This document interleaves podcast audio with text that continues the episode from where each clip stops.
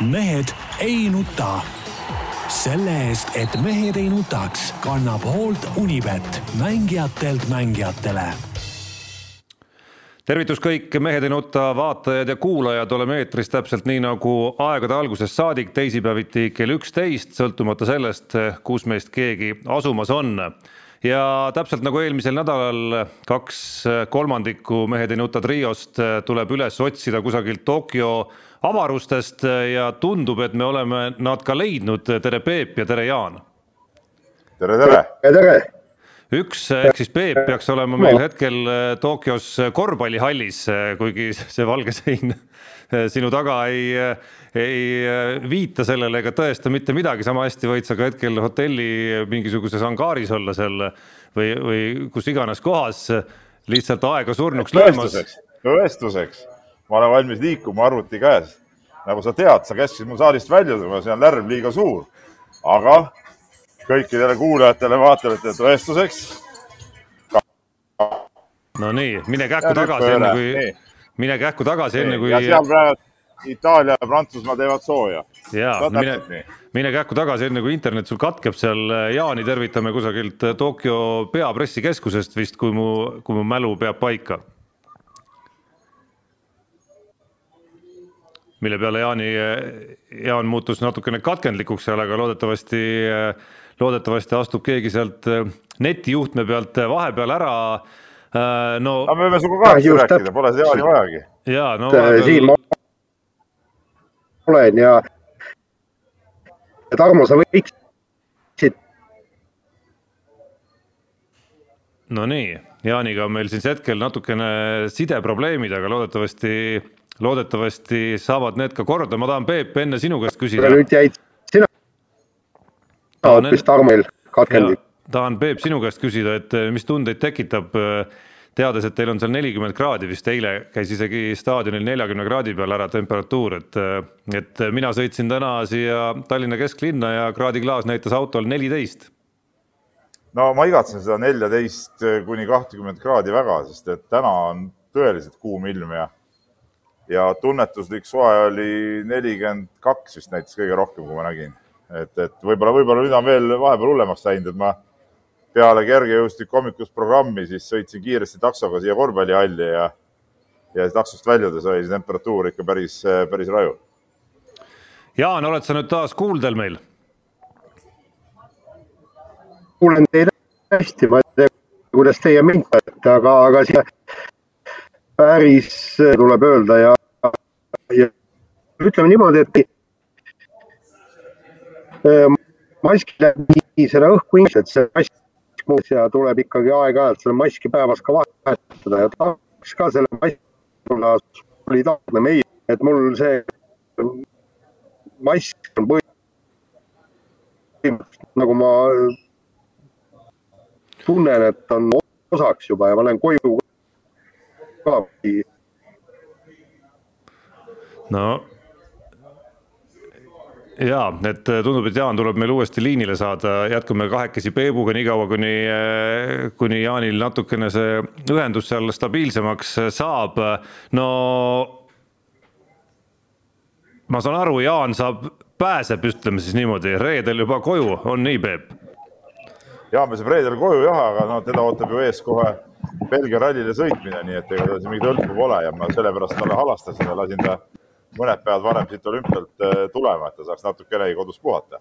no praegu on ilmselgelt see faas olümpiamängudel, mida kõik olümpial, eriti suveolümpial käinud ajakirjanikud teavad omast käest päris hästi, kus väga palju justkui jäänud ei ole lõpuni ja ja väga palju eestlaste võistlusi ka väga palju jäänud ei ole, et okei okay,, kümnevõistlejad veel on ja, ja maratonijooksjad ja äh, aga üldjoontes nagu justkui nagu see tipphetk on läbi ja ja natukene vajab sellist jõudu, et, et kuidagimoodi kokku võtta ennast ja, ja mitte lasta kuidagi koduigatsusel kallale tulla, on nii? no Tarmo, sa tead väga hästi, millest sa räägid, et siin see oli väga täpselt sõnastatud, et et olles siin juba olnud jah, üle kahe nädala, siis loomulikult on peamine mõte see, et kuidas kiiresti koju saada, et et, et jah, see lõpp kipub venima, kuigi lõpus on huvitavaid asju, no ütleme võtame tänasegi see neljasaja meetri tõkkejooks see oli noh, see oli nii, nii eh, fenomenaalne hetk, et kui ma siia Kossu saali sõitsin, siis ma mõtlesin selle peale, et, et kas ma korvpallis täna suudangi mingit emotsiooni enda jaoks leida, kuigi on ka ju tähtsad mängud ja veerandfinaalid, et, et see, see emotsioonipauk läks sinna välja. Ja noh, tegelikult homme-ülehomme kümnevõistlus ka ikkagi eestlaste ala ja kolm meest teeb kaasa ja, ja, ja noh, see on kindlasti väga-väga kihvtid päevad, aga, aga no kokkuvõttes jah, aeg on läinud kiiresti, aga, aga koju tahaks ka juba ikkagi saada väga-väga-väga juba no ma tegelikult lähekski kohe teemadele, teemade kallale, sest loomulikult on neid äh, väga palju, olümpial on üksjagu juhtunud nii spordiareenil kui ka, kui ka natukene väljaspool. ja kui ma siin äh, eile õhtul saate teemasid kokku pannes äh, mõtlesin, et läheks kõigepealt nagu nädala tagusesse hetke, kus me tegime saadet siis Äh, sel hetkel, kus Eesti EP naiskond oli jõudnud finaali, aga see, kas tuleb kuld või hõbe, oli veel ebaselge, siis äh, lihtsalt nagu värske emotsiooni pealt teeksin väikese vahetuse ja läheks ikkagi Eesti aja järgi tänasesse öösse ja varahommikusse, kus siis tõesti äh, kergejõustikuareenil nägime tegelikult üht, ma kahtlustan isegi äkki olümpia ajaloo vägevamat olümpiafinaali on nii, Peep? no, no küsimus ei ole selles, kas olümpia ajal on vägev olümpiafinaal, aga ma mõtlesin seda, et ma olen elus näinud kergejõustikut, no päris palju tegelikult, ma arvan, ma võin kümmekond isegi kokku lugeda, mida ma oma silmaga näinud. olen näinud neid Usain Bolti jookse ja asju. no pagan, see tänane jooks oli ikka, ikka veel fenomenaalsem kui need Bolti rekordid, noh. et kuidas sa suudad nagu sisuliselt peaaegu sekundiga parandada staadioni ringi peal joostavat distantsil maailmarekord ja see on nagu ebareaalne. no okei okay,, ma saan aru, et siin võivad olla kõik mängus imetossud, vetruvad rajad, kõik jutud, aga, aga see joosta neljakümne viie sekundi sisse nelisada tõkkeid, no see, see ei ole nagu reaalne, see ei mahu nagu, nagu mõistuse piiridesse tegelikult, no mitte, mitte ühestki otsast.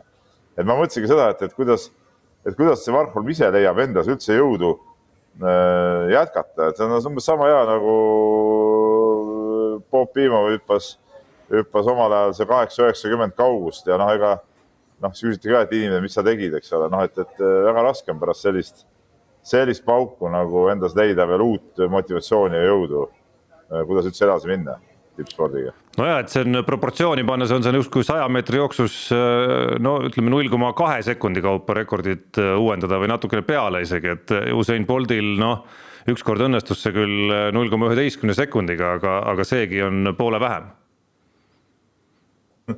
No see on lihtsalt tõesti, see on, see võtab nagu sõnatuks igatepidi, Rasmus Mägi ütles ka, et, et noh, siin ei olegi nagu, noh, siin ei olegi nagu midagi ütelda, noh, see ongi, ongi sihuke, sihuke hetk, kus need kommentaarid on kõik nagu tegelikult nagu liigsed, et noh, siin ei olegi midagi kommenteerida no.. lihtsalt vaatad suu lahti, kuidas niisugune asi juhtus no no testime selle küsimusega ühtlasi ka Jaani internetiühendust, mis emotsiooni sina veel kogenuma spordiajakirjanikuna said sellest jooksust? no absoluutselt see emotsioon oli, tähendab, kui ma äh, seda äh, uusi rekordnumbreid, kuidas on hea see no natuke, natuke parem, aga, aga pead veel rääkima, et täpsemalt aru saada. võid igaks juhuks pildi võib-olla kinni keerata, tuleb heli paremini läbi lihtsalt. et, et, et neid numbreid ja no ma ei tea, võib-olla, kus ma selle pildi kinni siit. no nii, nii.. väike, väike arvutiõpetus ka saate käigus. ja, ja, jah, et, et neid rekordnumbreid vaadates, et, et, et, et et meil oli samasugune eh, pikk ja mõistmatu ilmega täpselt nagu Warholmil endalegi ma ei saanud aru, mis, mis lõppude lõpuks seal, seal toimub, sest noh, nagu võimas jook. tooksin Bob Piimonit siia sisse, et ega eh, pärast seda kaheksa, üheksa, kümme Piimon ei teinudki enam midagi, ta üks aasta veel sai, ta paar nihukest pealt kaheksa meetri võistlustel tegi ja siis ta ei suutnud vastu võtta seda, seda meeletut pakku no samas võrdlus Piimoniga ei ole ju kõige pädevam selles mõttes, et kui me mõtleme, kes Vaarholm on enne, kui ta selle aja praegu jooksis, siis, siis noh, see ei olnud ju pauk luuavarrest, vaid, vaid me räägime sellest, et noh, ootus maailmarekordiks oli selleks, selleks olümpiafinaaliks nagunii päris suur, kui kõik need uue aja püssid hakkavad paukuma ühes ja samas finaaljooksus, et küsimus oli lihtsalt, et see, et see rekordi parandus nii võimas oli no ongi, küsimus ongi ju selles, ega küsimus ongi selles rekordi paranduse suuruses, noh. et, et kui me see Piimaniga võrdlus on just absoluutselt väga kohane, sest et ka seal äh, parandati maailmarekordid nii suure, äh, suure vahega, eks ole, ja nüüd, nüüd samamoodi, et, et selles suhtes need on kaks absoluutselt võrreldavat asja ja, ja, ja niisugust ebareaalset asja, ebamaist, ja teine asi on ju see, et olümpia tipphetk oli sellega ära, see on nagu selge. Jaan. Äh, tahaks öelda, et, et kuu aega tagasi ju purustas Warhol eelmise rekordi, eks ju ja, ja kui hakata nüüd sealt võtma ja see rekordiparandus ei olnud ka sajandikuga minu meelest, see oli ka päris okei okay.. ja kui me nüüd sealt võtame, see oli vist kas esimesel juulil oli, et, et, et mõelge, kui palju ta ühe kuuga on parandanud rekordit. et see, see, paneme selle ka juurde ja see ongi noh, see on uskumatu. ja me, mis sealt veel edasi tuleb tulla, mis ta hakkab lõpuks kaheteist neid tõkkeid jooksma, kuskohast sealt saab üldse edasi minna Peep, äkki oskad öelda? ei, ma just seda just ütlesingi, ma ei tea, kas sa ei kuulnud ilmselt seda juttu, mis ma ennem rääkisin, ma seda rääkisingi, et, et, et see ongi see küsimus, et, et kuidas ta ise leiab endale mingi motivatsiooni ja, ja üldse idee, et, et miks edasi teha ja kuidas edasi teha, noh, et, et, et sealt nagu seda parandada tundub nagu tegelikult täiesti võimatu noh. no te siin äh, vaagite ja, ja muretsete Karsten Vaarholmi enda pärast aga mida siis peab tegema Rasmus Mägi, on järgmine küsimus, et äh, teed Eesti rekordi, teed tegelikult ju suurepärase olümpia, täidad oma eesmärgi, oled teist korda järjest olümpiafinaalis, saad seitsmenda koha oled eurooplastest veel kolmas, mis tähendab, et, äh, et noh, mingis mõttes peaks nagu motivatsiooni olema küll, järgmisel aastal Euroopa meistrivõistlused on ees ootamas juba, aga teisest küljest ma usun, et et kõik tema klassi jooksjad, olgu siis finaali tagumisest otsast, keskosast või need, kes finaali ei pääsenud, võisid kindlasti mõelda, et, et no mis alale ja mis ajastule me oleme sattunud. No tegelikult Rasmuse motivatsiooniga probleeme ei teki, ma temaga rääkisin ka äh, peale jooksu ja äh, Pariisi olümpia on äh, kõva eesmärgina ja usub, et suudab ka rekordit kärpida, noh, eesmärk, millest me siin oma intervjuude tsoonis korduvalt rääkisime, et nelikümmend kaheksa null jäi ju teate nii-öelda täitmata ja, ja, ja see on kindlasti tema puhul võimalik. et ja noh, ütleme, kui sai ka seda öeldud, et nii-öelda EM, EM-i pronks sai sisuliselt nagu ära võetud täna, et et seal medaleid saada ja, ja pingutada on, on mõtet küll, et, et ega siis kõik ei peagi ju, ei saagi tulla ju olümpiavõitjaks ja maailmarekordi meheks, aga ütleme, muud medalid, äh, asjad on ju, on ju ikkagi võetavad. No me saame igal juhul öelda, et äh, Jaan, kui Jaan on eriti meil tuntud selle poolest siin saate ajaloos, et äh, et kohe, kui mõni sportlane midagi seisakulaadset näitab, siis karmid küsimused lähevad eetris kohe teele, aga, aga Rasmus Mägi on nagu selge arengu sel hooajal ikkagi nüüd teinud edasi. no ma tahan, et, et lõpuks viis aastat oli ju tegelikult selget seisakut või isegi tagasiminekut, kui tema aega, aegu vaatame. parimad sportlase aastad ju. Rios tegi rekordi, mis ülejäänud tegi. tegelikult ma ootasin seda rekordit, seda aega juba paar aastat pärast Riot. ja ei tule oota, midagi, ei tule ma, midagi. ma segan nüüd vahele, Jaan, Jaan, ma segan sulle vahele. no sa ajad, sa ajad ju täitsa rumalat juttu, no see, ma ei, ma ei anna, sihukest juttu isegi eetrisse lasta noh. Äh, võta nüüd ikka nagu loogiliselt, mismoodi, mis, mis tal seal vahepeal toimus ja kuidas asjad olid, et, et ta ju Riole järgneval aastal, kaks tuhat seitseteist tegi ju väga hea hooaja. Äh, timmis ennast MM-i jaoks vormi viimases trennis enne MM-i, viimase trenni viimases jooksus sisuliselt äh, sai ju vigastada, noh ja siis jäi ju, jäi, jäi vahele see MM tal kaks tuhat seitseteist sellepärast sealt edasi jah, olid väiksed tagasilöögid, võib-olla mingid ületreeningud, asjad, eelmine aasta tuli juba ju väga ilusti pildile. mitte eelmine aasta, vabandust, kaks tuhat üheksateist MM-il esimesena jäi finaalist välja.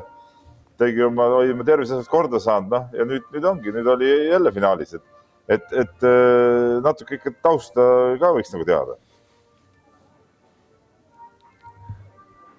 no näed. mis vigastada, sana jumal sind vigasta, ise vigastad, vea, see ületreening on, see ongi sinu probleem Äh, okay. järelikult on ja muide, ma tuleks veel kiirelt veel Warholmi juurde tagasi, aga mis Warholmil üle jäi?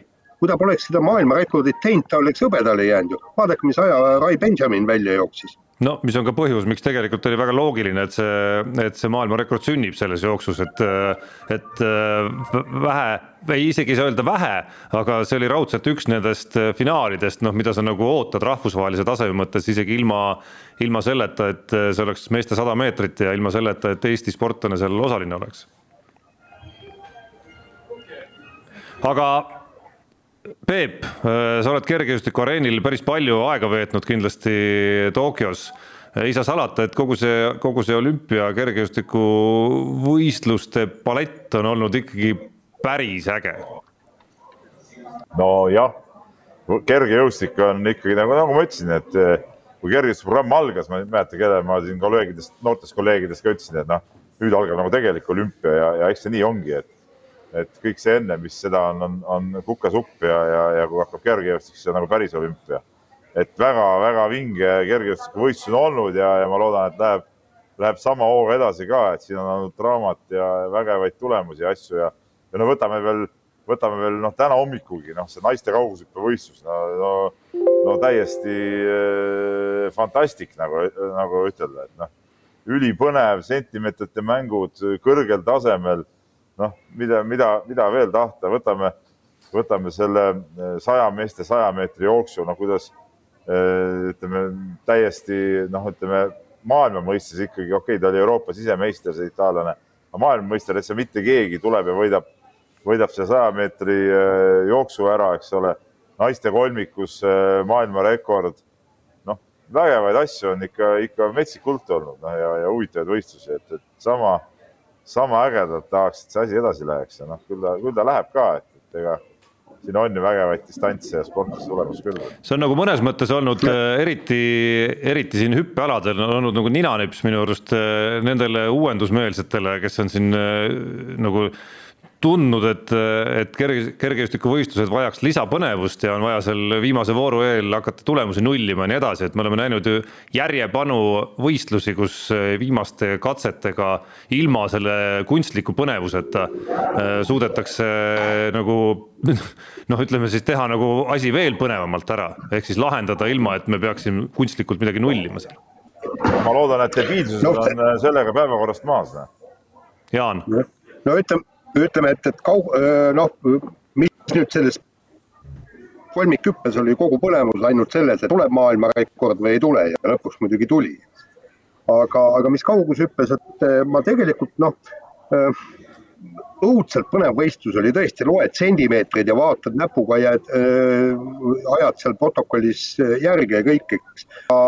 neiud oleks võinud kaugemale hüpata, millal Drexler hüppas Tallinnas seitse nelikümmend viis no mis sa, Peep, vehid käega, me just paar päeva ja, tagasi ja, rääkisime. Tarmo, kuule, tee midagi, kas, kas Jaan ei saa välja lülitada või midagi teha, noh? no, no mis... täitsa, täitsa hulluks on läinud, noh kaheksakümnendatel hüpatakse seitse nelikümmend viis ja siis nüüd seitsmemeetrise tulemusega kolm kümnendit hiljem võetakse kuld. ja palju on kergejõustik, palju on kergejõustikusalasid, kus, kus kaheksakümnendate tulemused on siiamaani kas maailmarekordid või oleksid äh, igal suvalisel võistlusel äh, esikoha väärt tulemused. sa tead ju väga hästi seda, no see, see on ju lihtsalt see umbluu, mida sa räägid. no mulle isiklikult. miskipärast Vaagholm suudab no mulle isiklikult tundub siit distantsi pealt, et, et mõlemad mehed on vaikselt ikkagi nagu äh, tüdinenud sellest olümpiast, et olles väga hoolega jälginud kõike, mida te kirjutate, siis mulle nagu ilma teiega väga tihedalt side, nagu nii-öelda äh, Äh, ühenduses olemata oli jäänud mulje, et, et Peebul on nagu mast maas, et temalt on tulnud kommentaare, et küll on üks asi valesti, küll on uusi alasid liiga palju, küll ei sobi kõrgushüppe lõpulahendus ja nii edasi ja nii edasi, et ma mõtlesin, et Jaan. sulle sobis see lahendus või? et vot selle juurde me jõuame, Peep. ei, ei, praegu on õige aeg selle juurde minna, kuna sa tõid selle kohe mängu. ei oota, ma lõpetan. sinu arust see oli sport? ei, ma lõpetan kõigepealt oma mõtte antud juhul, et, et aga Jaanilt pigem tuli sealt toredat toidureportaaži ja mida kõike ja mulle tundus, et Jaan on nagu väga rahul seal, aga nüüd oleme saate-eetris ja ikkagi nagu mõlemad äh, vanahärrad on siin ikkagi nagu, äh, leiavad ainult negatiivseid asju. ei, see on täitsa rumal jutt, mis sa nüüd, Tarmo, räägid? oota, oota. oota, oota nüüd, Jaan, sina. tahaks nüüd oota, oota, ma see, ma selgitan, ütlen niimoodi, et, et äh, viimasel ajal on täiesti olümpial noh, nagu mingil määral igav olnud, okei okay,, need põnevad võistlused kõik ja siis ma ikkagi seda Peepu torgin, aga täna on ju väga lihtne nagu endast välja viia. Ja, ja noh, eks ma siin oma teatud küsimustega, noh, alati võib ju küsida, et, et kes keelab Rasmus Mägil joosta sama kiiresti kui äh, Karsten Vaagholm on ju, eks, et miks tema kullale ei tulnud ja Peep läheb täiesti selle peale. ei no, ma tahtsin seda ütelda, et äh midagi pole halvasti, ma just räägin, kui vinged äh, võistlused on olnud, sa, Tarmo, ajad ju ka mingeid jampsid. aga see no,, mis puudutab seda kõrgushüpet, siis loomulikult noh, spordi mõte äh, on ikka võitja selgitamine ja, ja kui inimesed lepivad kokku, kui võtame mõlemad kullad, no siis siin ei ole nagu, nagu midagi rääkida äh, kui sa minu, kui sa minu arvamust, Peep, selle kohta küsisid, siis mulle see ei meeldinud, aga mitte sellepärast nagu sina päris, et mulle ei meeldinud just see nüanss või reeglite muudatus, et see, sinna on sisse jäetud mingisugune variant, et kohtunik läheb ja küsib ja. siis nagu asjaosaliste käest, et, et kas te soovite, et me lahendame selle asja niimoodi või et me lahendame selle naamoodi. Et see peaks olema nagu reeglites kirjas ikkagi, et kui, et otsustagu siis ära, et kui katsete järgi on sportlased täiesti võrdsed, siis me anname välja kaks medalit, kaks samasugust medalit. või kui me otsustame, et on ümberhüpped, siis on ümberhüpped, mitte nii, et kohtunik läheb ja siis asjaosalised ise otsustavad no aga praegu Tamberi ütles ju ära, et kellegi teisega ta ei oleks ilmselt seda kulda jaganud, no seegi näitab seda olukorda, olukorra absurdsust ju tegelikult. Et, et mul on, ole, oh, temaga ma olen nõus kulda jagama ja ütleme nii, Tarmo, näed, tore mees, eks ole, sinuga ma olen nõus kulda jagama. aga Jaan, mingi suvaline tont, noh, temaga ma ei jaga, eks ole, no see, see on ebareaalne jutt, mis, mis see nagu spordiga pistmist on siis, noh, mitte midagi. Jaan, kuidas sulle tundub, sina, sina jagaksid meiega oma, oma medalit või?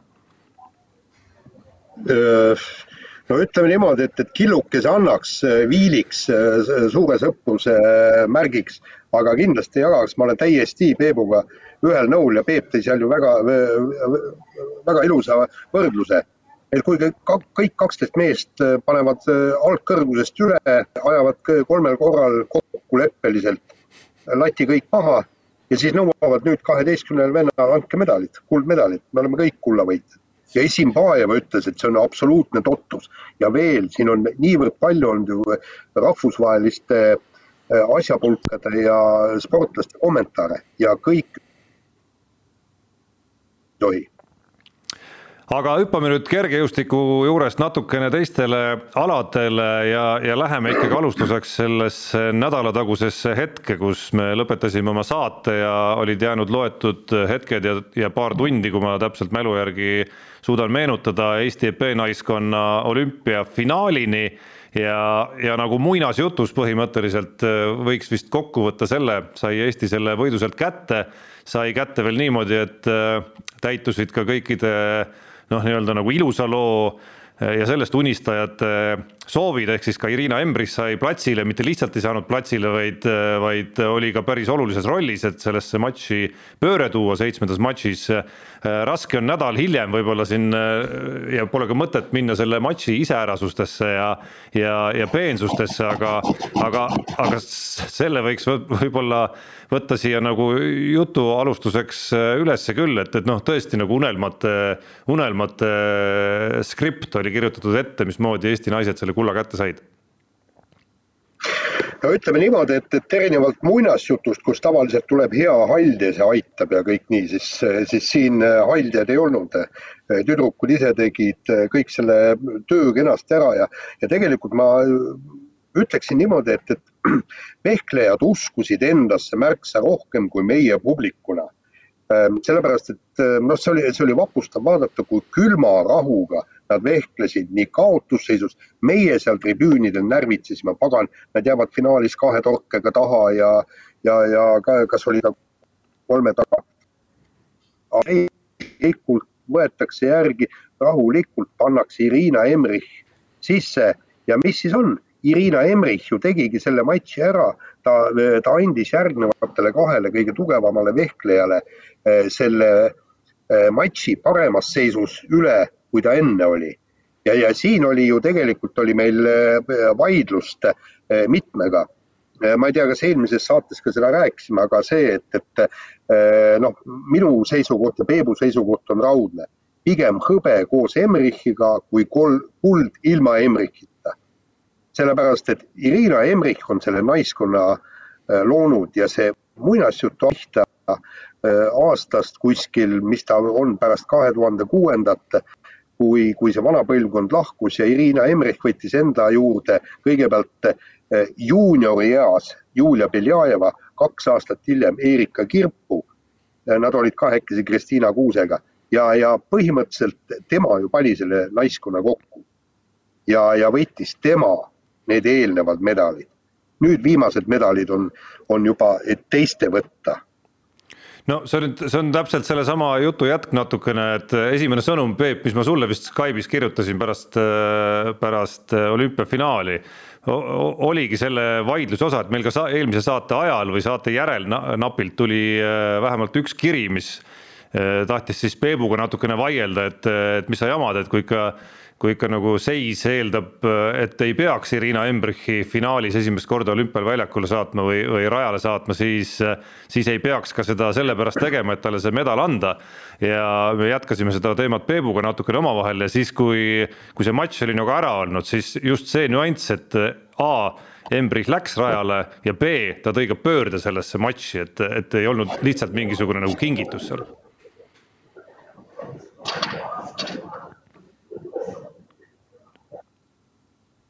Peep, sind ei ole kuulda praegu, et sa teaksid. jah, nii, niikaua kui Peep siin asju seab, et, et, et, et, et seda jah, ja tegelikult noh, ütleme niimoodi, et, et see, see oli juba eelmise Riia olümpia ajal, kui, kui, kui ütlesid Erika Kirpu ja Julia Beljajeva, et nad lähevad võitlusse selleks, et tuua ja aidata eh, Irina Emrichil saada seda olümpiamedalit, mida too eh, sedavõrd ihaldab. ja, ja nüüd ongi kõik see täide läinud, ütleme niimoodi, et neljakümne ühe aastane veteran võib rahulikult pensionile minna. Eh, tal on olemas, tal on olemas täiskomplekt Euroopa meistritiitel, MM-tiitel ja nüüd olümpiavõit ka et, et, et siin on ilus ja kena, aga, aga noh, vaatame, mis sellest kõigest, kõigest edasi saab, sellepärast no tüdrukured, lapsi oleks vaja saada, järgmine olümpia kolme aasta pärast, et siin võivad eh, seisud veel pisut segaseks minna. no nii, tundub, et eh, Peebu heliga on meil nüüd mingisugune, mingisugune probleem seal, kas sa oled vale nuppu vajutanud või, või, või mis sul seal eh, juhtunud on, püüa siin kahe kahe vanameistriga kuidagimoodi äh, otse-eetris olla, väga riskantne teema. ma, Jaan, kuni Peep seal natukene nikerdab veel, me saame sõudmise puhul ju rääkida sellest, et, äh, et tundub, et üks äh, ala tipptasemel, kas hakkabki meil nüüd ära kukkuma siis vehklemises, sa tõid küll selle nii-öelda nagu perekonna teema sisse Irina Embrichist oluliselt nooremate Eesti naisvehklejate puhul, aga üldjoontes ikkagi järelkasv on ju olemas. olemas, aga ega liiga palju teda ka nüüd ei ole. et, et, et siin peab ikkagi noh, ütleme niimoodi, et, et Kristiina Kuusk andis teada, et tema tahab naiskonda tagasi tulla, siis oleks naiskond olemas, kolm liidrit on, oleks olemas ja Kristiina Kuusk oleks see neljas ehk kindlustaja ja siis temaga prooviks prooviks ka loomulikult sinna noh, teiseks-kolmandaks mõõgaks saada, aga sõudmisega on jah, tõesti probleem. tühi maa, tühi, tühi maa on jäänud, kui lähevad ära äh, Allar Raja äh,, Tõnu Hendrikson ja Jüri Mikuda, kes ütles ka, et aitab küll, et tal on ka muud teha ja, ja, ja, ja siis oligi, asi on ju niivõrd hapu, et, et Kaspar Taimsoo laiutas käsi, ütles, et, et ta ei teagi, kellega kahest sõita, mis ma hakkan ühest äkki sõitma, äkki läheb üldse sõudmisest ära. Ja, ja praegu on jama selles, et meil ei ole isegi MM-i B-finaali tasemel paati. kas C-finaali tasemel paat meil on, aga B-finaali tasemel paati ei ole ja meie, kes me oleme harjunud igalt poolt medaleid tooma nii, mulle tundub, et nüüd kostub ka Peebult helisid juba. no tahaks loota. jaa, kostub küll. ma, ma olen kindel, et Jaan suutis vahepeal juba mingit äh, sihukest äh, udu siin kokku ajada, et äh, suutis kogu, kogu saate ära rikkuda, aga no olgu, olgu peale, eks ma pärast kuulan järgi. nii, aga tahtsid sa selle vehklemisteema kohta midagi lisada veel, me sujuvalt hakkame siin sõudmise suunas liikuma juba. Aa ei, mis ma, mis ma ikka seal tahtsin lisada, ma tahtsingi ütelda seda, et, et et jutt oli sellest, et, et kas see oleks olnud kingitus või mitte, see medal, eks ole, et, et see oleks olnud mingil juhul kingitus, noh, et, et nii nagu Jaan ütles, see on üks väheseid kordi, kui ma pean Jaaniga nagu nõustuma, et, et seal nagu muud varianti nagu ei olnudki, et, et ükspuha, mis see tulemus oleks olnud, et Embris pidi igal juhul selle medali saama, et ja, ja kingituseks seda nimetada ei saa, et, et, et minu arust need, kes, kes rääkisid sellest, et noh, et, et ei, ei oleks tohtinud teda panna, noh enne rääkisid, et, et kui on kulla võimalus, et siis ei tohi niisuguse asjaga riskida. no need ei, ei jaga seda, seda spordiala ja ei mõista seda, seda tausta nagu, nagu tegelikult üldse. Aga kui me sellest järelkasvust siin rääkisime vahepeal veel, et eh, Jaan, sa tõid Kristiina Kuuse mängu, aga tegelikult ju altpoolt on, on veel tulemas ja, ja koputajad sinna naiskonna ukse peale. No koputajaid on, aga, aga nad ei ole ikkagi sel tasemel, kui olid eh, Julia Beljajeva ja Erika Kirpu, kui nemad sinna naiskonda tulid, nemad tulid ju ikkagi juunioride medalivõitjatena. et, et praegu meil on Karoliine Loit küll jah, ja rääkimata Lehisest, kuigi, kuigi eh, paluks märkida, et, et, et nii, nii Kirpu kui ka Beljajev olid ka Lehisest eh, mingil määral edukamad. Lehis ühe võitis, ühe pronksi juunioride MM-il, ühe kulla, eks, aga, aga nojah, tal ei olnud naiskonda ka kõrval, Beljajeva ja Kirpu, need võitsid medaleid rohkem, aga meil jah, Karoliine Loit on järgmine. see seal veel juures vist just, aga nüüd ongi Karoliine Roit, nüüd ta peab sisenema, sellepärast et juuniori iga on läbi ja nüüd, nüüd tuleb naiste, naiste konkurentsi minna ja nüüd ainult temast endast on kinni, et, et kas ta suudab ennast sinna naiskonda murda. vaata, seal oli eh, Beljajeva ja Kirpuga oli hea, seal ei olnud varianti, nad pidid minema kõikidel MK-etappidel, kõikidel võistkonnavõistlustel ja see endas neid kõvasti. aga Karoliine Loit ju, ta, ta ei saa naiskonda kui ta on sellel samal tasemel kui Kristiina Kuusk. sellega läheb aega. aga selle jutu taustal. ta neli tihverti üle mängima veel. Noh. aga selle jutu taustal olete te nii kindlad, et Irina Embrich kavatseb nagu nüüd väga kiiresti taanduda? no üks no, aasta ja siis ma on kõik, ma arvan. üks aasta ja kõik jah aga siit nüüd sujuvalt sõudjate juurde edasi minnes, et Eesti neljapaat äh, piirdus siis olümpiafinaalis kuuenda kohaga, vaadates seda senist teekonda ja esimesi sõite justkui oli üsna loogiline, et see, et see niimoodi läheb või, või oli teil emal-kummal tunne ikkagi, et, et nad võiksid olla medalikonkurentsis? no mina ei näinud oli seda varianti eelsõitude põhjal, et ei, Jaan, eelsõitude põhjal ei olnud mingit varianti, et nad oleks medalikonkurentsis olnud seda ma rääkisin sulle juba siis, kui me sinna vaatama läksime ja, ja nii ka tegelikult oli, sest et ega, ega sellise vastupidavuse alal, no sa tühja koha pealt ei, ei tule, tule üles, noh tühja koha pealt selles suhtes, et nad oleks nagu nõrgad või treenimata olnud, aga, aga need esimesed söödud näitasid ära, et, et neil ei ole sellist äh, võimekust praegu lihtsalt paratamatult. et see vormi tipp oli ikkagi siis ära, kui neil oli tarvis olümpiapiletit püüda ja, ja sinna, sinna nahka see asi läks, aga muud varianti ka polnud, olümpiapilet tuli ju saada, noh. Nad pidid ennast vormi ajama kevadel ja ja, ja kaks, kahte korda sihukest tippu sai, ei õnnestunud. ega siin on väga raske midagi ette ka heita sellele. ja, ja nagu Kaspar Taimsoo ütles, et olümpiamedal läks kaotsi kahe tuhande üheksateistkümnenda aasta MM-il, kus nad ei kindlustanud enda, endale olümpiakohta, aga, aga seal ongi jällegi tegelikult oleks pidanud selle treenerivahetuse varem ära tegema. küsisin ka Veiko Sinisalalt, et kas sa oleksid võinud mehed medalile viia kui sa oleks selle meeskonna varem eh, enda kätte võtnud, Sinisalu vastas sellele, et noh, et mind ei olnud põhjust ju eh, varem kutsuda, kuna teie mehed võitsid medaleid ja noh, see oli saatuse paratamatus, et meie neljapaat nüüd siin olümpial medalita jäi.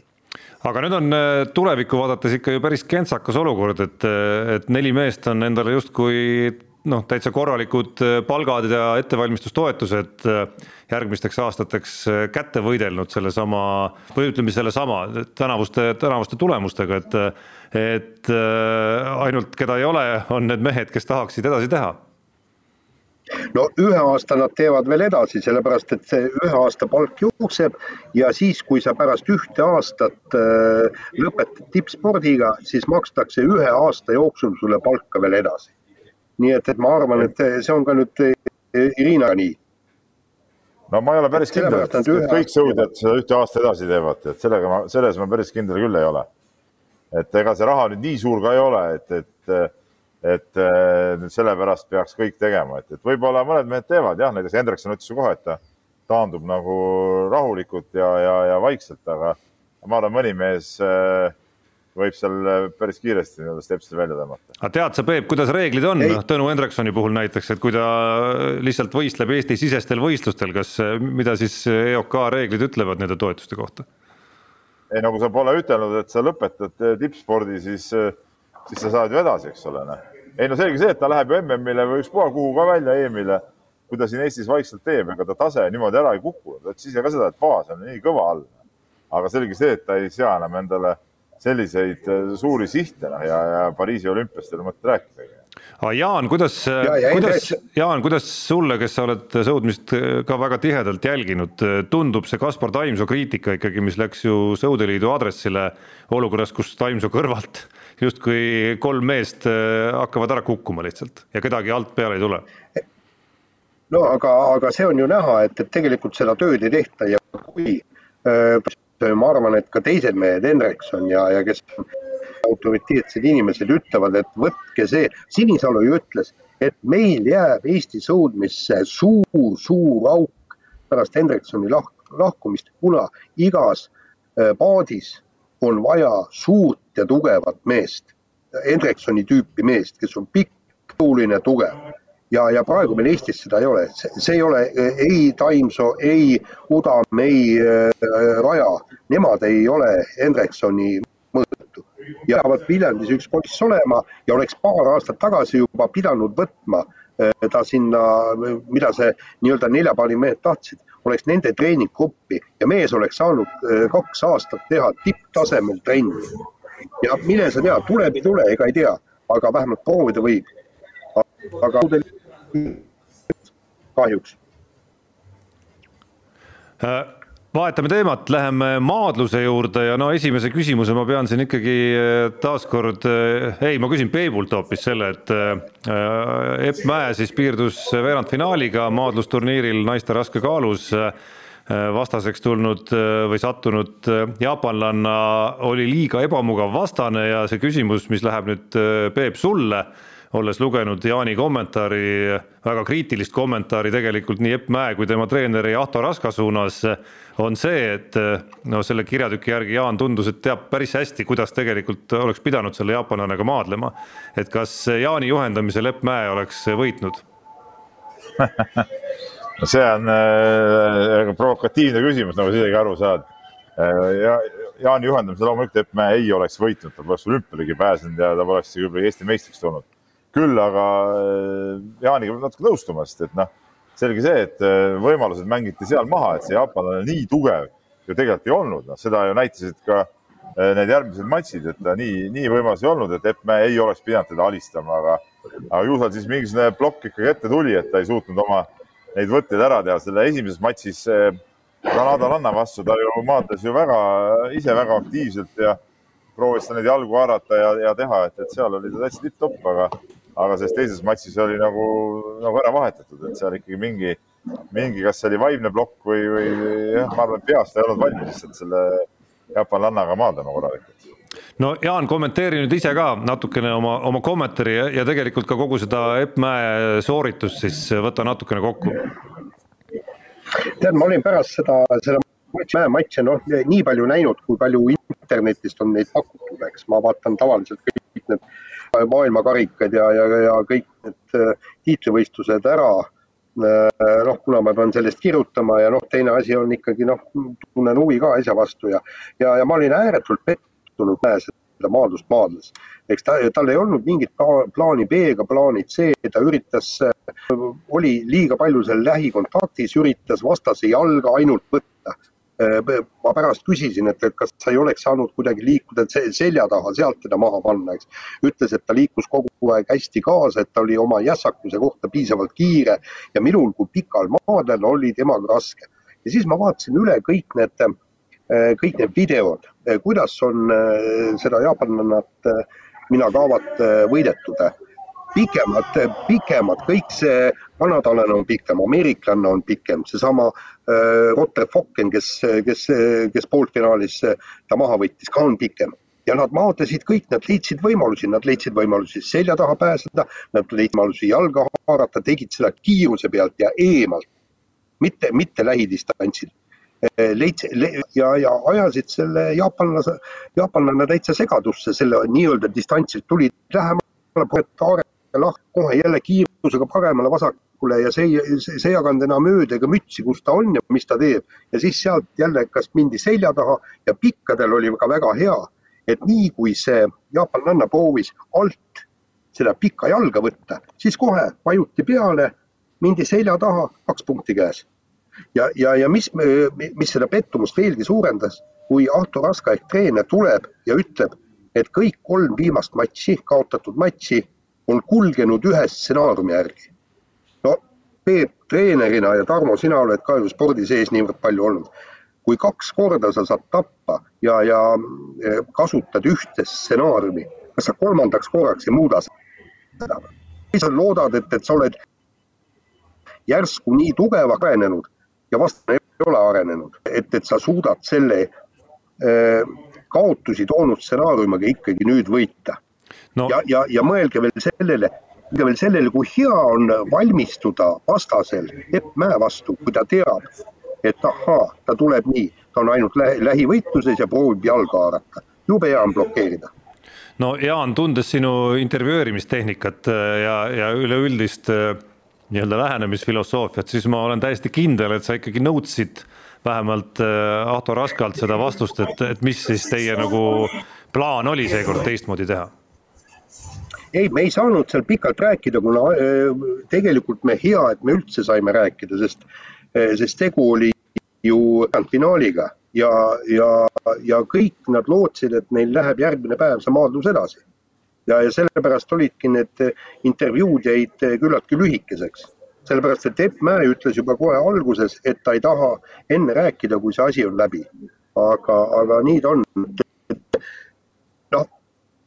samas see on väga ebamugav küsimus, mida on treeneril vastata. No ma olen näinud, minu, ma olen rääkinud siin saate ajaloos oma esimesest kokkupuutest Jaan Martinsoniga, see küsimus äh, see polnud isegi küsimus, mida ta küsis äh, Eesti äh, korvpalli noortekoondise treeneritelt, vaid see oli nagu nõudmine ikkagi, kes oleks pidanud konkreetselt väljakul olema, nii et et ma kujutan ette jään siiski ootama seda intervjuud Jaani esituses, kus ta ikkagi räägib täpselt need äh, heited ja, ja täpselt, mis nurga alt oleks pidanud lähenema vasakult, paremalt või alt või, või ülevalt sellele jaapanlannale, kus Jaan Ahto Raskaga teeb selle asja nagu puust ja punaseks ikkagi selgeks, loodan, et see videos saab ka juures olema, et Matil võiks seda teha. no kindlasti jah. nii, aga ma hüppan. ja siis ma analüüsin. kui me nii igavate teemadega jätkame, tead noh. nii, aga äh, hüppan kergejõustiku juurde korraks veel tagasi. Äh, Peep Xenia Balta sai olümpia kaugushüppevõistlusel äh, kvalifikatsioonis kahjuks jälle vigastada, andis teada, et kaugushüppega on kõik, tema keha ikkagi ei, ei lase selle alaga tegeleda kui väga paljud ilmselt äh, uskusid, et siit tuleb üldse uudis, äh, kuidas Xenia Balta teeb karjääriga lõpparve, siis vastupidi, tõeline spordihing tundub olevat Xenia Balta sees, hoopis kahesaja meetri jooksus tahab ta jõuda järgmisele olümpiale. no väga õige otsus tema poolt. miks lõpetada, kui näeb varianti edasi teha ja ja olla Eesti spordile, Eesti kergejõustikule, Eesti kergejõustikule kasulik sellega, no miks miks ta ei peaks proovima, kiirust on, nagu ta ütleb, kiirus ei ole kuhugi kadunud. seda ta saab treenida, seda see põlv ei sega. noh, siis andku ainult kuumale, milles, milles küsimus, väga õige otsus. see on päris huvitav filosoofiline küsimus ka natukene, et me näeme sportlasi, kes siin kahekümnendate alguses kuskil noh, ütlevad enam-vähem sellel tasemel, et et okei okay,, mulle aitab, ma lähen tegelen muude asjadega elus Äh, muu karjääriga ja nii edasi ja nii edasi, aga, aga siis on sportlased, kes veel kolmekümnendateski ei tee seda otsust, vaid, vaid noh, seal ei ole nagu muud küsimust ilmselt ja muud seletust, kui lihtsalt nad naudivad seda spordis olemist nii palju ja tahavad nii palju teha seda. no minul on neid esimesi, keda sa mainisid, raske mõista, need ei ole päris õige spordiinimesed, spordihingega inimesed, kel on spordihing ja tuhk sees. see teeb seda asja nii kaua kui vähegi võimalik. Ja, ja, ja nii ongi ja sa, no mis tasemest sa räägid? Xenia Palt on ikkagi sise-Euroopa meister no.. no ma mõtlen, ma mõtlen nagu kahesaja meetri jooksu. kuues ja nii edasi ja nii edasi. no kas sa, kas sa suudaksid näha temas kahesaja meetri jooksus no olümpiamängude poolfinaali potentsiaali? Äh, no kui sa vaatad nüüd neid aegu, mis äh, siin olümpial joosti, vaataks Heina Balta Eesti rekordit. Äh, no kui ta suudaks joosta samal tasemel ehk kakskümmend kolm null, siis, siis mingi variant olümpia poolfinaali, mis on ju tegelikult kahekümne nelja hulgas, kolm poolfinaali, eks ole, on olemas küll, EM-il sellest rääkimatagi. Jaan, kuhu sinu vaade selles arutelus läheb? ei, Palt on see vaade, aga tegelikult mul on Peebule nüüd küsimus, vot see noh takkajärgi oleks, oleks ma nii tark nagu mu naine takkajärgi, eks ju. takkajärgi oleks äh,, oleks ju võinud mõelda see, et, et ta tule, oleks siia tulnud kahesaja meetri jooksjana, sest tegelikult tal on ikka need viimased, viimased hooajad. Rios oli ta okei okay ja väga hea, aga, aga need viimased hooajad olid ta ju kau-, palju ta neid võistlusi üldse tegi kahe viimase aasta jooksul kaugushüppe hüppajana ja ta ise ütles ka, tal on see kaugushüppaja põlv, hüppaja põlv on kogu aeg on, on, teeb häda ja viga. aga, aga noh. no, kuidas ta sai siia siis kahesaja meetri jooksjana tulla, kui ta sai selle koha kaugushüppajana, Jaan, mis, mis juttu sa ajad terve päeva? ei, ma veel kord ütlen, oleks tagajärg, tagajärg, takkajärgida tark olnud, teades, et ta siin midagi ei tee, ta oleks hakanud aasta pärast Riot juba kahtsadat jooksma see on see asi. ta oli ju, ta oli ju äh, kaks aastat pärast Riiat oli ta EM-il kuues, noh, kaugushüppes, no milles küsimus oli? no just, aga, jaa, just. Ei, oli küll, oli küll, aga, aga vot pärast seda see asi läks nüüd käest ära, need kaks viimast aastat on ju käest ära täitsa läinud. et see ongi kahetsusväärne. eelmist hooaega sisuliselt polnudki, tuletan meelde. kaks tuhat üheksateist oli vigastatud, jah nojah, selle, selle takkajärgi tarkusega, Jaan, ei ole küll nagu üldse midagi pihta hakata. ei et, ole midagi teha, ei, ei absoluutselt ei ole. et selle arvestusega sa ju, sa ju sporti tegelikult ei tee.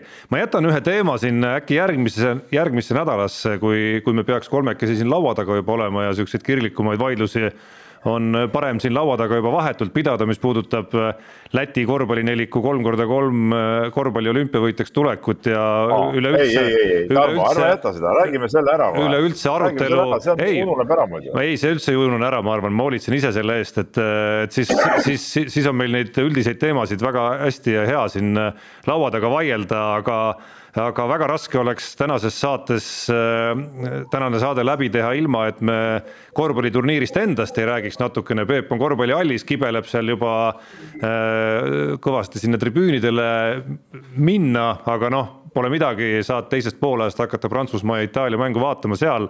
Äh, mulle tundub, Peep, sa võid nüüd parandada, ma ei tea, palju sa nägid tänast USA mängu või ei näinud aga. tervet teist poolega nägin, nii kui ma saali läksin, kiskus asi kiiva, noh kiskus ühest küljest kiiva, aga USA vaates kiskus asi minu arust selles suunas, et kui USA hakkab nagu leidma sellist äh, mängu, kus, äh, kus sööt liigub ja leitakse vabu mehi, siis on ikka väga keeruline USA-d võita kellelgi. Äh, ma olen sinuga nõus, aga USA vaade ei ole kindlasti minu vaade, ehk minu silmis kiskus asi kiiva, aga ma kirjutasin ka sinna mängublogisse, järelikult seda ei jälginud, tuleb välja, kui sa ei teadnud, et ma saali jõudsin kirjutasin sinna blogisse ka teisel poolajal just, just seda, et, et, et Hispaanias edasi kaitses mängides, noh, nad ei saa, kui, kui USA on nagu mõistnud, kuidas eh, nende meestega seda mängu mängida, ehk siis pall liigub, eh, mängitakse üks-üks teravalt, kui vastane tõmbab kokku, läheb sööt välja ja sealt lõpuks paari ekstra sööduga leitakse vaba mees ja visatakse sisse ka.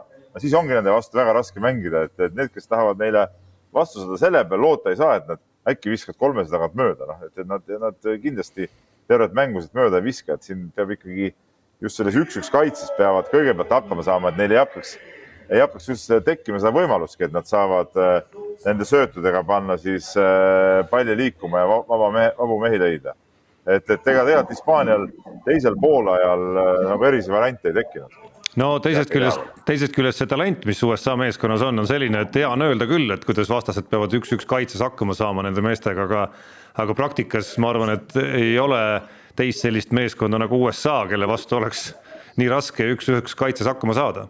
Ja kui sealt nüüd hakkavad, kui sealt nüüd need ekstra söödud hakkavad ka tulema, mitte, mitte need olukorrad, kus äh, astub teine mees vastu ja ameeriklane läheb ja kangutab sealt raske viske üle käte, siis, siis, siis tegelikult ongi USA juba leidnud nagu selle koosluse ja, ja selle võtme, mismoodi peab korvpalli mängima. ja USA tundub, et ongi selle leidnud, et need kogenud supertreenerid Popovitš ja Kerr ja, ja kes seal kõik on on, äh, on suutnud selle meeste selgeks teha ja mehed on selle omaks võtnud, seda oli ju, noh, ma räägin, ma esimest poolega näinud, ma tulin kergejõustikstaadionist, sõitsin siia, aga teisel poolel mängupildist oli ju näha, et see mängis ju meeskond, see ei olnud mingisugune äh, niimoodi, et üks-kaks staarikest ainult äh, mängivad selle palliga, vaid, vaid meeskond mängis ja seda oli täitsa, täitsa okei okay vaadata, noh. et, et äh, see, ma kirjutasin ka sinna blogisse lõppu, et, et selle mänguga nüüd tõusis USA siis äh, tegelikult selle turniiri võib-olla suursoosikuks, et, et et varasemate mängudega nad sai tõusnud, aga selle mängu näitasid ära, et nendel on see võti nagu olemas ja nüüd on neid ikka väga raske pidurdada. sama, sama asja pärast, mis sa ütlesid, nende üks-üks võimekus ongi nii suur, aga, aga muud lahendust ka ei ole, no sa ei saa lasta neil ju, nende jaoks see kolmese joon on ju lähedal, eks ole.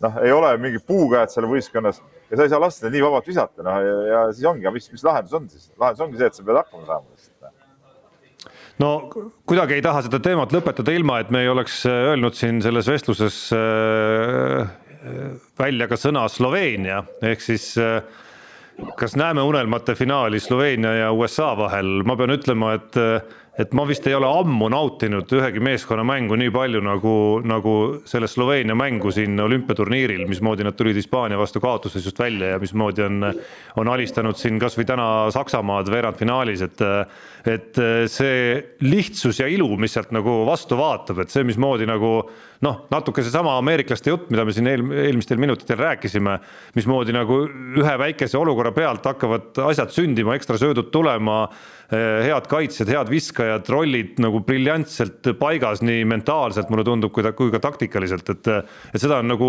ma ei tea, mina ütlen, et ma pole ammu sellist ilu nagu näinud. No ma nüüd nii eh, ülivõrretes ei ole nagu sina sellest eh, Sloveenia mängust, muidugi mulle Sloveenia väga meeldib, aga see on üks suur aga ja et, et küsimus on selles, et kas Luka Dontšis suudab nagu, nagu seda oma rolli välja mängida, eks ta peab nagu aru saama sellest, et ta ei pea võtma mingeid Äh, lolle viskeid, vaid, vaid ta peab eelkõige mängimagi seda mängu ka meeskonnale, et, et äh, kõige kasulikum on see, kui ta äh, mängib, mängib oma osavuse pealt läbi ja, ja panebki selle söödu välja, kui sealt kokku tõmmatakse. kui ei tõmmata, noh siis tal on suht lihtne ära lahendada, et ei ole mehi, kes, kes väga teda kinni saaksid niimoodi.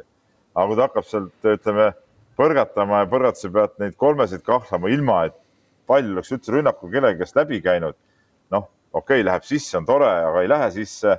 teist korda ei lähe, teised palli ei saa ja siis kipub see mäng ära surema, et üks moment oli, ma staadionil olles tead vaatasin, mul arvutis oli korvpall lahti ja vaatasin seda Saksamaa-Sloveenia mängu ka poole silmaga ja see, kuidas see oli esimese veeranda lõpus, ühel rünnakul ta võttis kaks täiesti rumalat eh, kolmest ja sealt korraks Sloveenia mäng murdus ära, teised, teistel rütm kadus ära ja Saksamaa sai ju korraks isegi punniga ette seal teisel veerandi alguses. et, et, et see on nagu ohukoht, et okei okay, Saksamaa nad lõpuks karistavad ikka ära, et seal ei olnud nagu küsimust.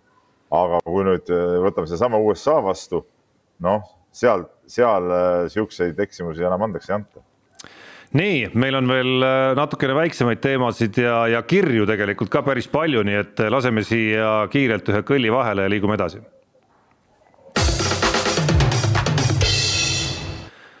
Sloveenia kettaheitetäht Kristjan Tšehh, noh, täht on võib-olla natuke avansina, natuke mitte ka, samas äh, katkestas koostöö oma treeneriga, kes nõudis, et tema tüdruksõber, meile hästi tuntud Anna-Maria Orel, äh, nendel tema treeningutel ei osaleks, Sloveenia meedias siis kära on kõvasti selle ümber ja Anna-Maria Orel ise on ka sotsiaalmeedias siis seda olukorda kommenteerinud. Peep, kas sinul kergejõustikumehena on sellesse arutellu veel midagi lisada? Ei no lisada on seda, et mul on see küsimus, et äh, aga miks Orel peab seal treeningutel osalema? et üks on vasarheitja, teine on kettaheitajad, nad ju koos seal ringis ju ei ole, et, et äh, okei okay,, ma saan aru, võib-olla jõusaalis on koos, noh, see on why not, eks ole, või muid asju tead. aga, aga ütleme, platsitreeningutel ei ole ju põhjustki seal olla, pigem äh, see faktor, et, et ma, ma ei, ma ei võta nagu selles suhtes nagu praegu mingit sõna, ma ei ole äh, inimestega endiga rääkinud, ma ei tea, mis mis trenni ta silmas peeti ja millest see küsimus oli, aga, aga kui küsimus on selles, et kas ta peaks seal staadioni treeningutel osalema, siis ma arvan, et mitte. no me teame, kui, mingid sõbrad või inimesed on käinud, no võtame Andrus Värnikutki, noh, tema käis ka trennis alati mingid üks-kaks sõpra olid kaasas, no ma arvan, need ei mõjunud eriti hästi. et, et noh, võib-olla seal on mingi teistsugune lugu, ma ei, ma seda ei oska ütelda, aga, aga pigem ma arvan, et jah, see, see võis segada muidugi no kuna detaile väga palju ei tea, siis ongi raske ilmselt midagi väga täpsemat siin kommenteerida, vaid äh, pigem hüpata järgmise teema juurde. Äh, Jaan Katrina Lehis äh, tunnistab siin intervjuudes, mis ta nädala jooksul on andnud, et enam väga rahulikult tänaval käia ei saa, et inimesed ikka päris kõvasti vaatavad järele, et enne vaatasid võib-olla järele, et pikk ilus naisterahvas, nüüd tunnevad ilmselt kõik Eesti spordisõbrad, kes, kes veel seni ei teadnud ka tema tema nägu kui, kui olümpiasangari nägu, et, et natukene nagu uus ajastu hakkab äh, Katrina Lehis elus äh, hakkab küll ja, ja tegelikult see on tore, sellepärast et äh, üha enam peakski ju meie rahvas spordisangareid tundma ja, ja, ja vehklejad on ju tegelikult kõvasti medaleid võitnud, nad on meile au ja kuulsust toonud. ja ma arvan, et, et, et, et see peakski olema äh, täiesti loomulik ja kusjuures mul abikaasa, temaga rääkisin paar päeva tagasi, tema oli ka vehklemist vaada, vaadanud ja ütles, see on täiesti uskumatu, et tema kui ta absoluutselt. Nonii vahepeal, vahepeal, vahepeal Jaan, su mõte kadus ära siin, mis su, mis su naine täpselt ütles? aga sellest ei tahaks ilma jääda, äkki sa kordad? ja ei, mu naine ütles, et temale kui spordi kaugele absoluutse inimesele lõi see vehklemise vaatamine pulsi üles ja, ja ta vaatas seda ääretu huviga ja lõpus siis, kui meie omad kulla võitsid, ütles, et ikka pisar tuli kohe silma, et, et, et vot see peakski olema spordi osa, et ta ühendab ja kõik me, inimesed, ka spordikauged inimesed vaatavad ja, ja, ja tunnevad siis rõõmu kogu meie spordisangaritest ja kui Katrina Leis mööda tänavat äh, läheb, vaatavad tagasi, tegelikult juba võiks eest käega lehvitada, ütles, öelda, et kõva oled. Natukene spordivälistel teemadel ka, valgevenelased on äh, suutnud korraldada ühe selle olümpia suurema skandaali, äh, sprinter Kristina Tsimanovskaja on palunud siis Rahvusvahelise Olümpiakomitee abi ja, ja varjupaika ja mida kõike veel ja no Peep kui äh, president Lukašenka ja, ja ka president Putini ütleme, mitteametlik esindaja Eesti Vabariigis tunneb muidugi, et siin on asi aetud täitsa, täitsa sassi. ei no need sa jälle sildistasid, ütleme nii, ma võin sulle anda kohtusse. täitsa uhkelt kohe, ei ole hästi ütlesin, ma arvan. Ei, minu arust sa ütlesid väga halvasti. ma kirjutasin sellest äh, pika loo ka eile Eh, kus ma nagu tõin detailid välja, et siukseid lugusid saabki juhtuda ainult äh, Valgevenes.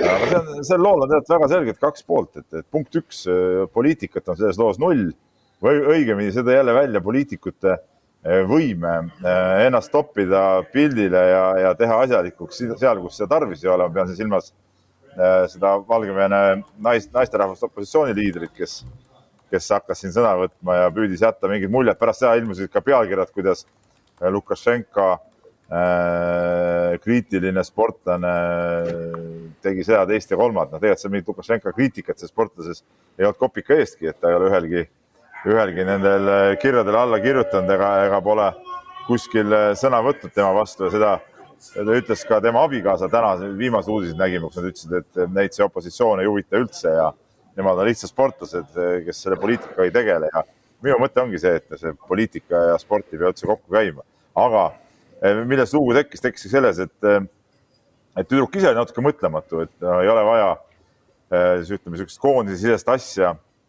emotsiooni pealt kuskile internetti riputama mingeid, mingeid lauseid ja asju.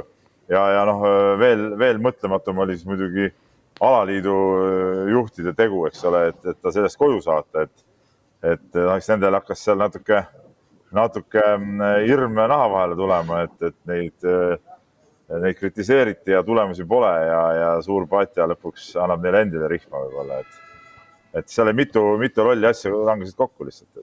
noh, selles muidugi, et Lukašenka kriitilised sportlased vanglasse võivad jõuda selleks muidugi väga palju näiteid Peep tuua vaja ei ole, kuigi ei, antud juhul. ei ole Lukašenka kriitiline kui... sportlane, saad sa aru sellest? ja saan aru ja absoluutselt, et, et no, lihtsalt ma tahtsin tuua seda, selle. aga miks sa seda, aga miks sa seda siia tood üldse? see on ju, see on ju loll näide see on absoluutselt ajuvaba näide. lihtsalt kuna isegi enne, kui, kui nad ise ütlesid välja, et siin poliitikaga pole pistmist jõudsid sa kirjutada, et see on nagu justkui nagu välistatud, et see võiks juhtuda ei, ma ei ütle välistatud, seda ma rääkisin Valgevene ajakirjanikega siin, noh, kes oma nime ei julgenud avaldada, nad ei olnud mingid Lukašenka-meelsed inimesed, vastupidi.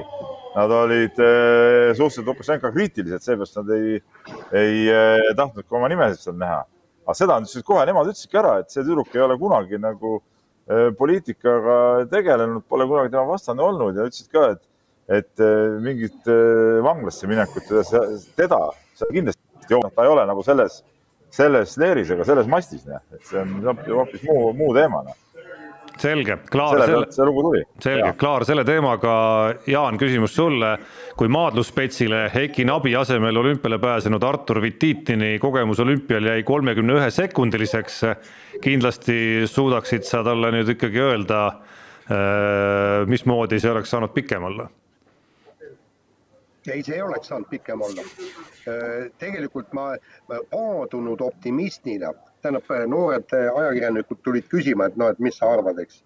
Äh, Viditini võimalustest, selle peale siis ma ütlesin, et äh, ta on, ta ta tuleb kätel maadlussaalist välja kanda, juhul kui ta suudab need kuus minutit vastu pidada. ja, ja lisasin, et ma ei usu, et ta suudab ka esimest poolaega ehk kolme minutit vastu pidada ehk seal oli, see tasemevahe on ikkagi noh, nii meeletu, aga no kolmkümmend üks sekundit äh, oli, oli ikkagi üsnagi kiire ja Märt Roosna äh, vestlesime sotsiaalmeedias või kuskil, mis iganes. ja tema ütles, et temal tuli meelde see, et tema käis ju ka ma, nabiga maadlemas ja umbes sama, sama kähku käis see asi ka temal, nii et. aga samas on väga raske. et seal ei ole mitte samas on vist väga raske ka midagi nagu kobiseda, et see, see, et see tasemevahe on nii suur, on ju väga loogiline tegelikult tausta teades. absoluutselt, see, see, see ongi, üks on ikkagi maailma üks parimaid maadlejaid ja, ja teine on, kes on vigastustega äh, hädas olnud ja, ja kes ei ole ka äh, oma vanuseklassides suurt midagi äh, korda saatnud ja, ja, ja mis on kahetsusväärne kogu selle juures, ega Vititinil ei olnud siit mitte midagi õppida tal ei olnud mitte midagi õppida. noh, sai natukene vaadata, et kuidas see olümpial see, kus asuvad mingisugused ruumid, kuidas sisse marsitakse ja kuidas välja marsitakse.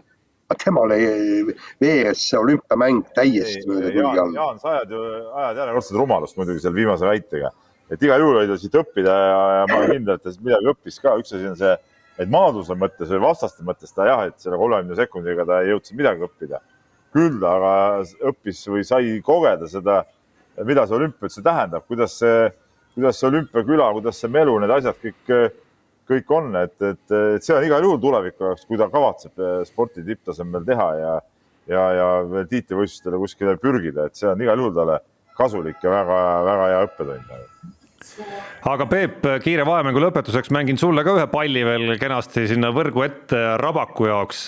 mulle tundub, et Sloveenia kossumehed ja Luka Dontšitš on ühel põhjusel veel saanud igavesti koha sinu südames pärast uudist, kuidas turniiri avamängus Argentiina alistamise järel panid nad ikkagi korraliku peo, kus nii kange alkohol kui vesipiip olid kohal.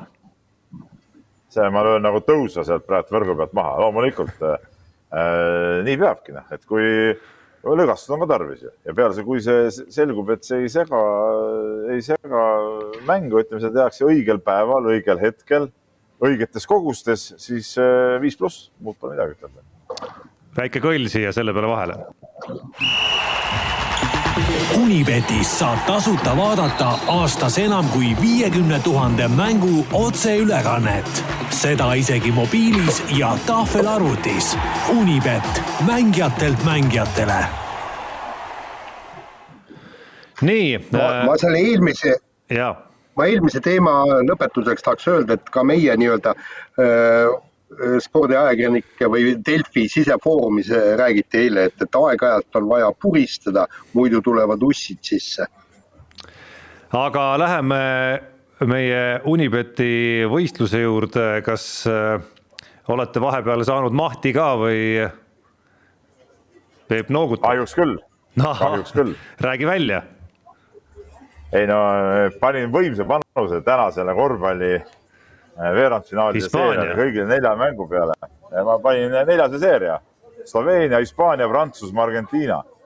koefitsient oli niimoodi, et ma oleks võitnud kolmsada kuuskümmend midagi. panin, panin siis kümme sisse, aga noh, see läks juba vett vedama ja, ja no, mul ei ole eriti hästi läinud, mul on praegu momendil on üks jalgpalli väike seeria on seal veel õhus, aga mul on summa on jäänud suhteliselt väikseks, sinna mingi kahesaja peale. Jaan. Ei ole pannud jah, ma olen siin olümpiaga tegelenud. ja no mina ühe väikese võidupanuse panin, see puudutas Saksamaa korvpallimeeskonna võitu Nigeeria üle ehk siis, äh, ehk siis äh, sealt äh, veidi üle kümne euro on kasvat-, on arve kasvanud, uue nädala eripanused on kõik veel tegemisel ja need on tegemisel pärast seda, kui on selgunud lõplikult korvpalli poolfinaalid, ehk siis mõlemast poolfinaalist tahaks ühe Mehed ei nuta eripanuse Unibetis üles saada ja läheme siit edasi kirjade juurde, nii nagu selle vaidluse uute versus äh, vanade alade üle jätame järgmisse saatesse, jätan ka need kirjad sinna. kirju on äh, üleüldse väga palju ja küsin siit alustuseks äh, kõige värskema kirja teadlaselt nimega Priidik, meie healt kirjasõbralt. Kõigepealt kirjutab Priidik, et tundes kaasa Martinsonile ja Pahvile, kes peavad Jaapanis saapatallaks küpsetatud veiseliha sööma, saat-, saatis ta neile mõlemale Eestimaa rohuveise liha Eestimaa rohumaa lihaveise grillitud andrekoodi pildid. ja need pildid nägid tõesti head välja, ma ei tea, kas sa, Jaan, jõudsid juba näha ka, mehed, pidage vastu igatahes ja kahjuks jõudsin näha. ja no Peepu need pildid ilmselt väga ei ahvatlenud, sest talle teadupärast saapatallaks küpsetatud lihatükid väga meeldivad. aga nüüd. ei pildi..., mulle meeldivad siis, oota, Tarmo, Tarmo, ma segan vahele, mulle meeldivad siis, kui neil ka mingi maitse küljes on aga siin neil ei ole nagu maitset ka. Noh. no paned, paned ketšupit peale, saad ketšupi maitse ja oledki õnnelik. ei ole ketšupit, ei ole kuskilt saada seda aga asja juurde, vaadates eestlaste. Pole ka soola muuseas. no palju õnne vaadates eestlaste tulemusi olümpial, mis on üldiselt küll täiesti korralikud, kuid samas mitte midagi sellist, mis paneks rõõmust lakke kargama, naiste EP välja arvatud, siis on mul tekkinud küsimus sportlaseks kasvamise, kasvamise kohta Eestis kogu aeg on räägitud, et raha on vähe ja see on kahtlemata tõsi. kui meil oleks raha ühe sportlaseks kasvamise etapi finantseerimiseks, siis kuhu suunaksid saatejuhid selle raha, ehitades lisarahaga juba praeguseks nii-öelda valmis tippsportlaste ümber parem meeskond, äh, sulgudes Team Estonia, annaks muidugi kohese efekti, kuid milline rahakulutus annaks parima tulemuse circa kümne, kahekümne aasta pärast? Noh, kümme, kakskümmend aastat on päris eh, pikk perspektiiv, et, et eh, kõige olulisem on ikkagi see, just see vaheetapp, sellest on palju räägitud ja, ja eh, ikka see üleminekuperiood, noh, mis noorteklassis, täiskasvanute klassi, kui tulemusi veel ei ole, et saada mingeid suuri toetusi. aga, aga, aga millal on samal ajal see kõige suurem töö tegemise periood, noh ja nii see on. et, et, et ikkagi sellesse, sellesse perioodi tuleks kõige rohkem vahendeid suunata, ma arvan ja no minu mõte on ikkagi see, et, et äh, spetsialiseeritud spordibaasid, nii nagu äh, igal pool äh, mujal väljamaal on, kuhu äh, sportlased saavad tulla tasuta, kus on täisteenindus. no selge see, et, et koondisse kuuluvad või siis äh, koondise lähedal olevad sportlased, nagu mul on räägitud, kuidas Rootsi ujumises äh, asi on, et Ehm, et ujuja tuleb sinna, sinna baasi, tal on seal isegi olemas tuba, kus kohas ta saab puhata, tal on seal lähedal, antakse talle, kus ta saab elada, tal on seal kõik söögid, massöörid, kõik, kõik on, on juures niimoodi, et täisteenindus eh, on olemas ja ja, ja täpselt samamoodi näiteks see meie suusabaas peaks olema Austrias näiteks et kuhu, kuhu lähevadki kõik need suusatajad eh, sinna ja kus neil on seal täisteenindus olemas küsimus Kalmerilt, küsimus Kalmerilt, eh, ma arvan, Jaan, äkki sulle. Eh, mulle, kes ma vehklemisest mitte midagi ei jaga, hakkas silma, et neljast individuaalvõistlusel poolfinaali jõudnud EP naisest kolm olid vasakukäelised. teades, et üleüldse on maailmas vasakukäeliste osakaal umbes kümme protsenti, tekib Kalmeril otsekohene küsimus, kas vasakukäelistel vehklejatel on vehklemises paremakäeliste ees eelis? Karin ütles, et, et ei ole väga suurt eeli. On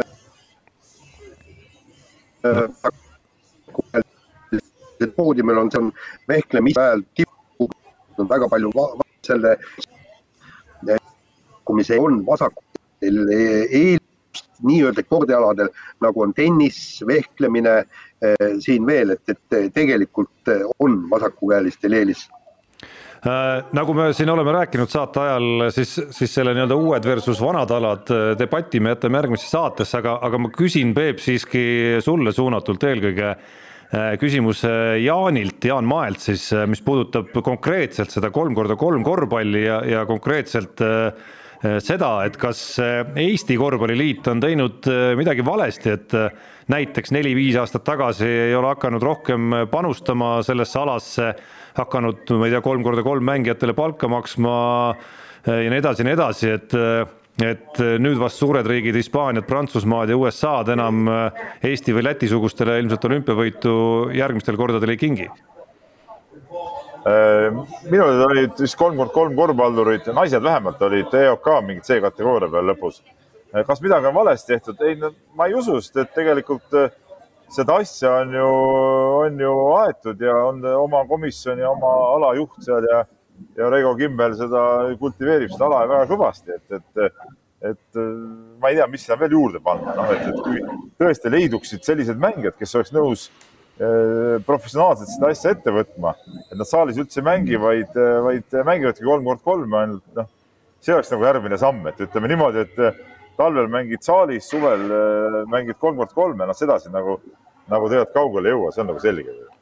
Kas sa treenerina siiski sellise asja oskad ära seletada, ma nüüd ise teen nagu jätkuküsimuse, et, et loogika justkui ütleb, et kui me paneksime noh, ma ei tea, USA-l kasvõi üheksakümne seitsmenda, üheksakümne üheksanda ja sajanda korvpalluri kusagilt sealt NBA-st kokku üheks kolmikuks, siis peaks nad justkui nagu noh, sellest samast Läti nelikust ju, ju üle käima täpselt nii, nagu nad tahavad individuaalsete oskuste pealt. Äh, praktikas äh, me ei ole nagu näinud isegi seda, et kui me paneme siin Eesti äh, noh, päris parimaid me ei ole näinud ühes kolm korda kolm korvpallivõistkonnas, aga koondise mängijaid oleme ju küll näinud, et et, et tundub, et see ala on nagu piisavalt eriline ikkagi, et, et see nagu ei käi nii lihtsalt no me just arutasime Atsiga, Ats Kuldkepiga, kui me vaatasime äh, finaali, et kui läheks näiteks seesama võistkonna vastu välja äh, Bertansi, Borsingise, Strelneksi, et kes siis võidaks, no ma olen, äh, ma olen jumala veendunud, et võidaks need äh, Strelneks, Bertans äh,,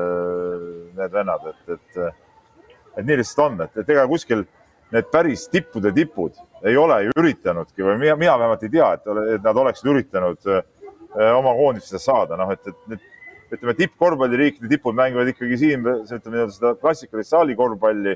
noh, USA käis valikturniiril, aga, aga, aga ma ei tea, et seal oleks olnud äh, neil mingid öö, NBA ässad seal kaasa teinud, noh, noh, see ei ole nii, et, et et ma arvan küll, et, et see asi, see ala võib minna siis nagu kõvaks, kui seal kõikidel riikidel ongi väga spetsiifiliselt selleks keskendunud, nii nagu rannavõrkpall on läinud.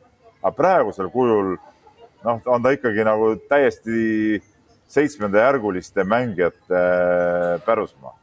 midagi teha ei ole saate lõpetuseks edastan veel Argolt ühe sõnumi, kes soovib, et Jaani toiduvlogi saaks vähemalt korra kvartalis traditsiooniks Delfis.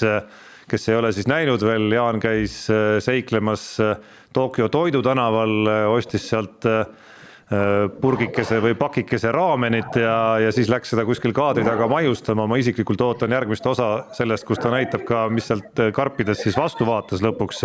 ja lisaks äh, ootab Argo siis ka Peebu reisi ja, ja elamuste vlogi, nii et äh, Jaan on teinud sulle, Peep, seal Tokyos silmad ette, nüüd on sinu kord vastata ei no Jaan, mingu koos oma toidublogiga kuhu tahab, spordikülgedel niisugust jura ei, ei avaldata, see on, see on nagu selge, tähendab, et äh, ja ega see reisijutt ka sinna spordikülgedele väga ei sobi, et ma võin, ma võin sellest reisist rääkida küll, kuskil mujal kirjutada, aga, aga kindlasti mitte spordikülgedele, et, et äh, noh ma ei ole, ma tunnistan ausalt, ma ei ole seda Jaani videotki vaadanud. no jutt jutuks, Peep, mina ütlen, et väga hästi sobis, Jaan, kiidan sind ka siin otse-eetris. sporti ta ei sobi, Tarmo, seal ei ole spordiga mitte mingisugust pistmist, selles on point. väga hästi sobis, väga hästi sobis, nii et Jaan, lase samas vaimus edasi. Äh, Peep, äh, ma ei tea, palju sa seal jälgida oled jõudnud. Äh, poolaeg peaks vist olema Prantsusmaa ja Itaalia no, mängus ma, ma näen seisu, ma näen. nelikümmend kolm, nelikümmend kaks. kolm, nelikümmend kaks, Prantsusmaa juhib õnneks. ja nii, et mäng on ees teisel poolajal. jääme kõik siis seda huviga jälgima ja, ja kas ma saan õigesti aru, et järgmisel nädalal ikka oleme siin laua taga kolmekesi juba? oleme laua taga kolmekesi. super. millal no, sa Peep saabud, ma ei tea sellest midagi Esa. esmaspäeval kell viis. aa, selge no aga pidage siis vastu seal Tokyos, tehke endale need viimased päevad nauditavaks ja, ja meie jääme ootama siit äh, lisaks ägedatele korvpallimängudele kindlasti ka ühte ägedat kümnevõistlust, ma arvan, see, see, see, mismoodi siin kergejõustikuvõistlused on seni pakkunud ägedust, võiks justkui nagu anda lootust, et äkki, äkki kümbis juhtub ka midagi ägedat nii meie vaatenurgast kui ka kui ka maailma suurte vaatenurgast. tänud Peep, tänud Jaan, tänud vaatajad-kuulajad. oleme taas tagasi siin laua taga siis juba järgmisel teisipäeval kell üksteist. mehed ei nuta. saate tõi sinuni Unibet, mängijatelt mängijatele